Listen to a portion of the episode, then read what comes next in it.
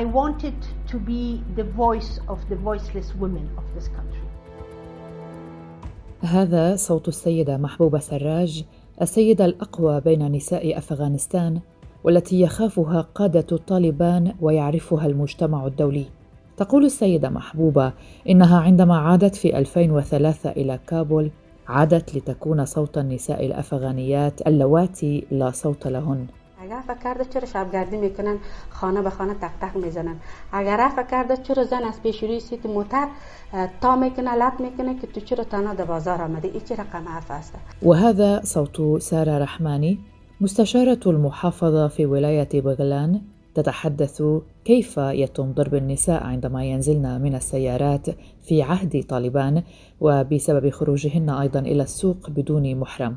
طبعا در حالت نو ابتدای حکومت داری هستیم مسائل امنیتی برای ما بسیار مهم است.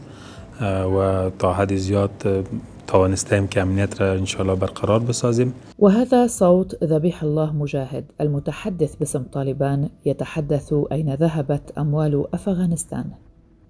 كل هذه الأصوات والتسجيلات التي استمعتم إليها الآن هي خلال لقاءات أجرتها صفاء صالح مراسلة أخبار الآن التي قضت رحلة السبعة عشر يوما في أفغانستان وتمكنت خلالها من إلقاء الضوء على ما يجري في تلك البلاد عن قرب ومن قلب الحدث فنقلت الصورة بتجرد. كما ترون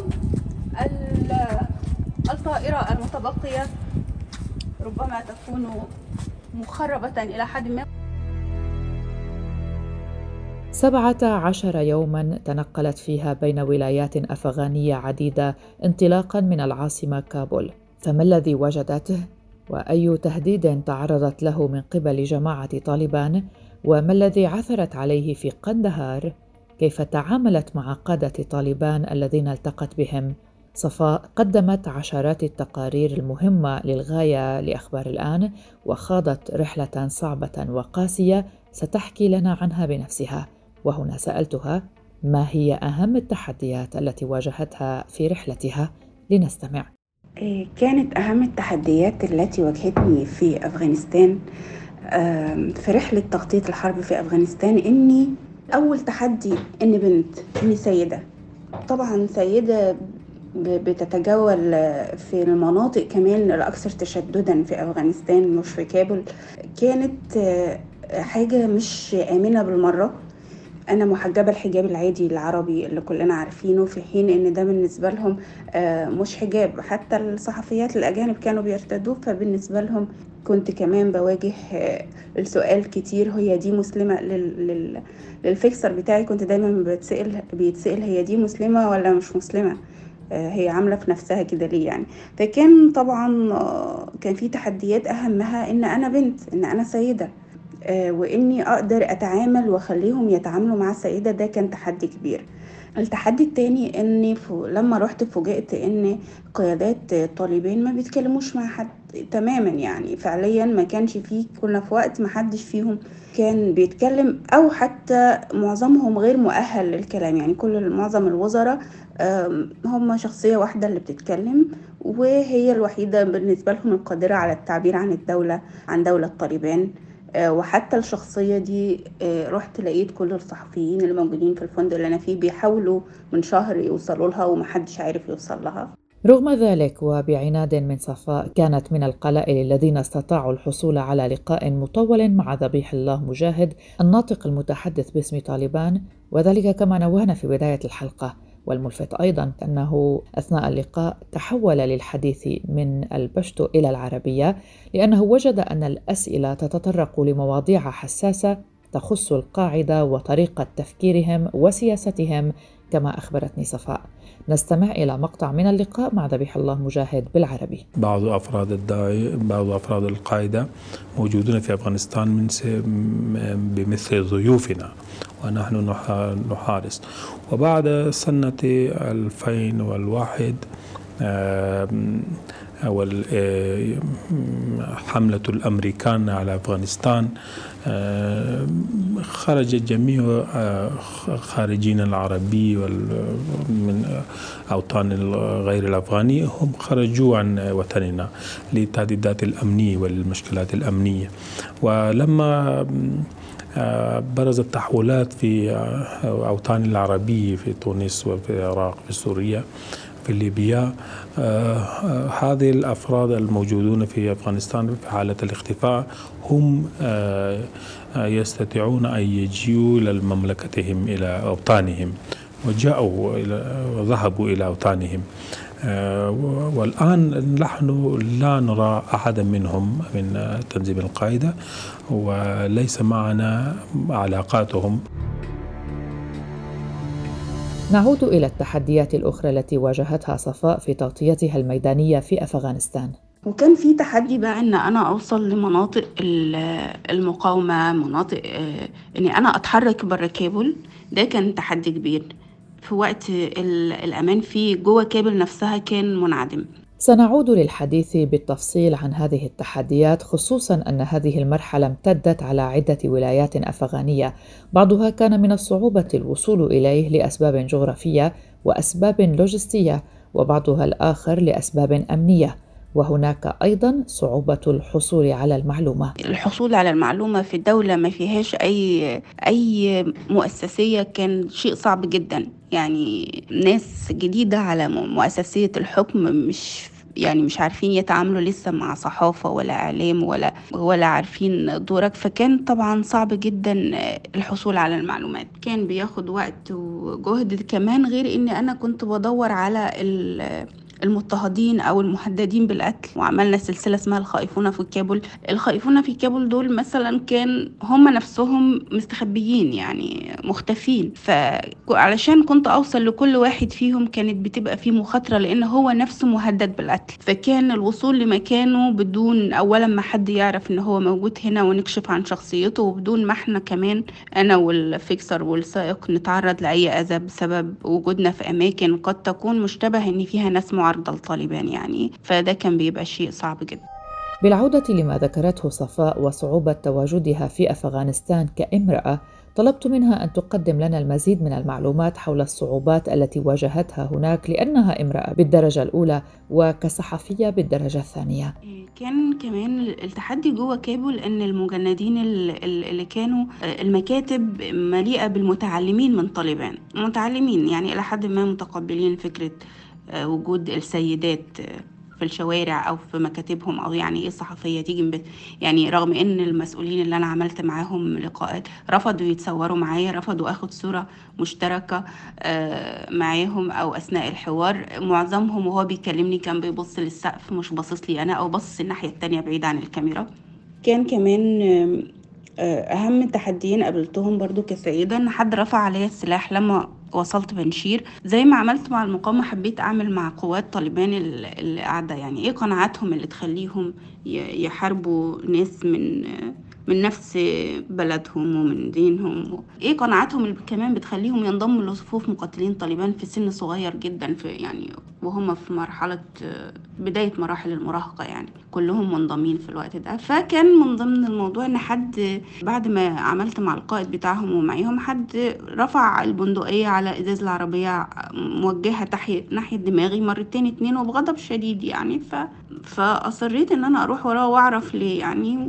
بعد ما المترجم فضل يكلمه ويقول له هي مصرة تعرف ليه كنت عايز بتشاور لها عايز تقتلها. فهو قال إن هو غضب لما شافني وأول مرة يشوف سيدة مسلمة وسط رجال يعني وإزاي هي تيجي مكان مقاتلين وكده.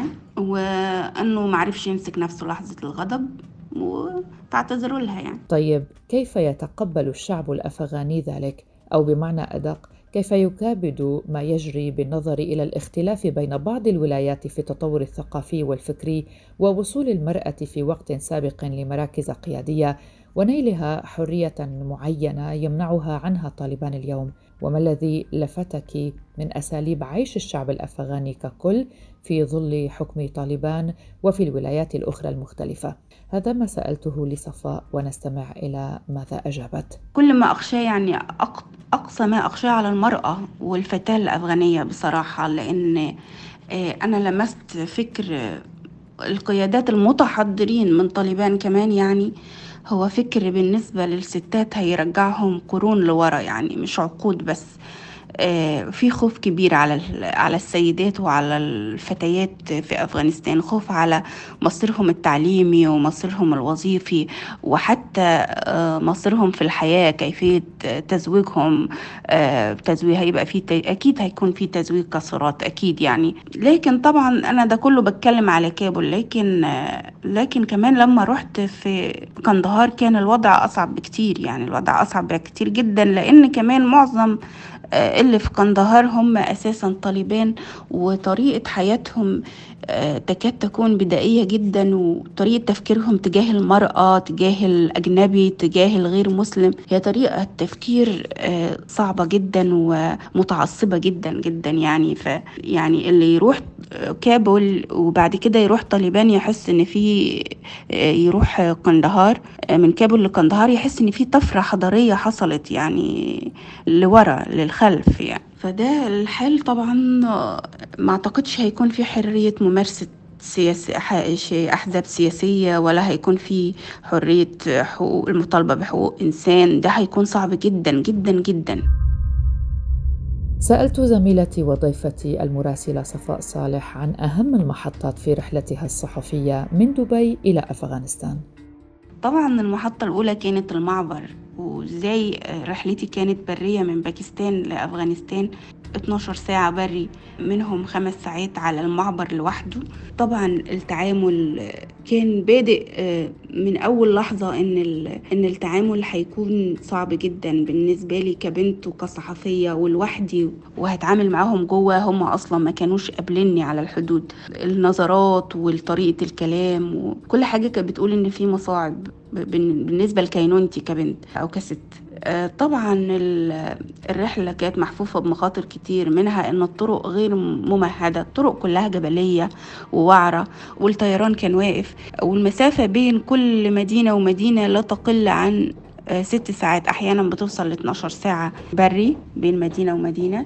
لكن أهم محطات طبعا كابل طبعا ورصد الحياة في كابل والكلام مع القيادات طالبان هناك والسفر لبانشير والسفر لقندهار بانشير مركز المقاومة وقندهار مركز طالبان. دول كانوا أهم الثلاث محطات يعني. ما هو وضع المواطن الأفغاني كما لمستيه في الشارع يا صفاء؟ المواطن الأفغاني طبعا كان حاله صعب جدا بالذات في كابول يعني. سكان كابول اتعودوا من عشرين سنة على التحضر بيعلموا بناتهم بيدخلوهم الكليات اللي هم عايزينها. يعني عايشين بحرية يعني بيلبسوا لبس آه مناسب لتقاليدهم بس اللبس اللي هم عايزينه برضه. ما حدش بيفرض عليهم حاجة. فطبعا وأهل كابول تحديدا هم أكتر ناس كانوا بيحاولوا يفروا من حكم طالبان تقريبا ما فيش أسرة شفتها وما فيش حد شفته غير كان بيحاول إنه يشوف طريقة للخروج برا. ده غير إن طبعا الوضع الاقتصادي صعب جدا. الناس مش فعليا يعني مش معاها تكمل الأسبوع أكل وشرب. ده غير إن فلوسهم في البنوك مش مش من حقهم ياخدوا منها غير 200 دولار كل أسبوع أو يعني كده. ده لو خدوهم. في ناس بتقعد طول الأسبوع كل يوم تقعد تروح البنك عشان تاخد ال 200 دولار دول من من رصيدهم. لكن مش بياخدوهم لأن مفيش فلوس في البنوك. آه كمان الوضع الاقتصادي مزري جدا يعني مزري جدا. آه في في ناس الفقراء بقى يعني اللي قامت عليهم الحرب دول مهددين فعليا بمجاعة يعني. فعليا في نقص في الغذاء وفي ناس معهاش أي أموال خالص يعني. كيف انفردت أخبار الآن بما لم تقم بتغطيته أي محطة عربية أخرى؟ آه، انفردت أخبار الآن بالتغطية. آه، أولا كنا آه، القناة العربية الوحيدة وال الميديا بلاتفورم العربية الوحيدة اللي ذهبت إلى مواقع المقاومة و كانش في غيرنا غير قناة وحيدة وكانت مصاحبة لقوات طالبان قناة عربية وحيدة معروفة يعني وكانت بتعبر عن وجهة نظر طالبان فقط. لكن اللي راحوا يدوروا على المقاومة إحنا كنا أول قناة عربية تدخل بنشير. كمان كنا أول قناة تدخل قندهار آه وتروح آه مقر القاعدة وتتجول في مقر القاعدة القديم وتتجول فيه وتتجول في منزل أسامة بن لادن. وأول قناة تروح آه حقول الأفيون. كانت تغطيتنا كمان متميزنا كنا أول قناة عربية أو أول قناة تدخل القاعدة الأمريكية بعد تجفيفها وبعد بيع معظم الأسلحة اللي كانت متبقية فيها. صورنا مع الطيارة الوحيدة اللي كانت فاضلة في القاعدة الأمريكية في كابول. أيضا كان لنا شرف إن إحنا دورنا وبحثنا عن الناس المضطهدة اللي خايفة وكان منهم فريق كرة القدم للسيدات. كان لنا شرف إن إحنا ساعدناهم هم استغاثوا بينا بالقناة وإحنا ساعدنا جزء منهم إن هو يسافر بعد نشر مواضيعهم وتم التواصل مع الفيفا ومنشنتهم في الموضوعات بتاعتهم والفيفا استجابت وقامت بتسفير ثلاثة أو أربعة من فريق من الفريق من اللي عملوا معانا اللقاءات. كانوا بيستغيثوا للخروج كانوا كلهم فتيات من سن 17 ل 21 سنة. بعتبر ده إنجاز لأن دي صحافة الحلول. يعني أنا أعتقد إن كده قناة الآن داخلة صحافة الحلول بأهدافها إن هي إحنا نعرض المشكلة كمان ونساهم في حلها. وأنا فخورة إن أنا ساهمت في حل مشكلة ولو صغيرة. مشكلة البنات دي كانت كبيرة لأن البنات دي كانت م... كانوا مهددات بالقتل وفيهم بنات تم خطفها فعليا وتهددوا بالقتل لو استمروا يلعبوا كورة.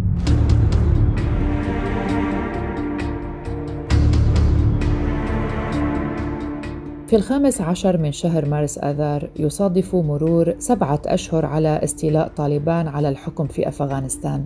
لكن البلاد التي مزقتها الحرب تتجه نحو انهيار اقتصادي وأزمة كبيرة تحذر منها الأمم المتحدة وسط عجز حكومة طالبان عن الإيفاء بوعودها.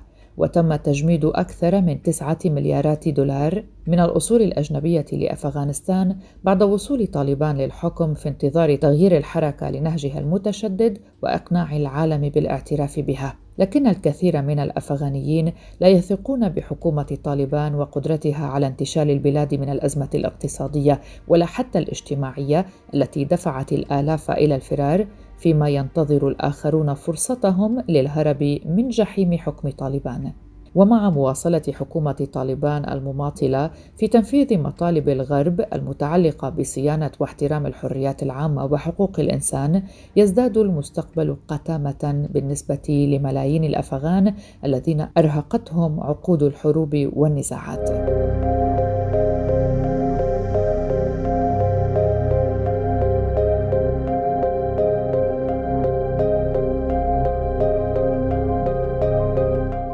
تطمح صفاء للعودة مرة أخرى إلى أفغانستان لتغطية المزيد من الأحداث هناك، كما أنها لم تنهي مهمتها بعد بتقديم كل ما حصلت عليه من رحلتها الأولى. يمكنكم الاطلاع على تقارير ووثائقيات قدمتها صفاء عبر موقع أخبار الآن ومنصات تلفزيون الآن وأخبار الآن المختلفة.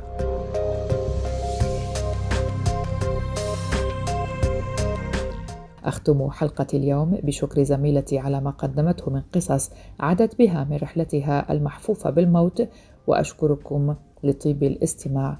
كنت معكم براء صليبي. إلى اللقاء.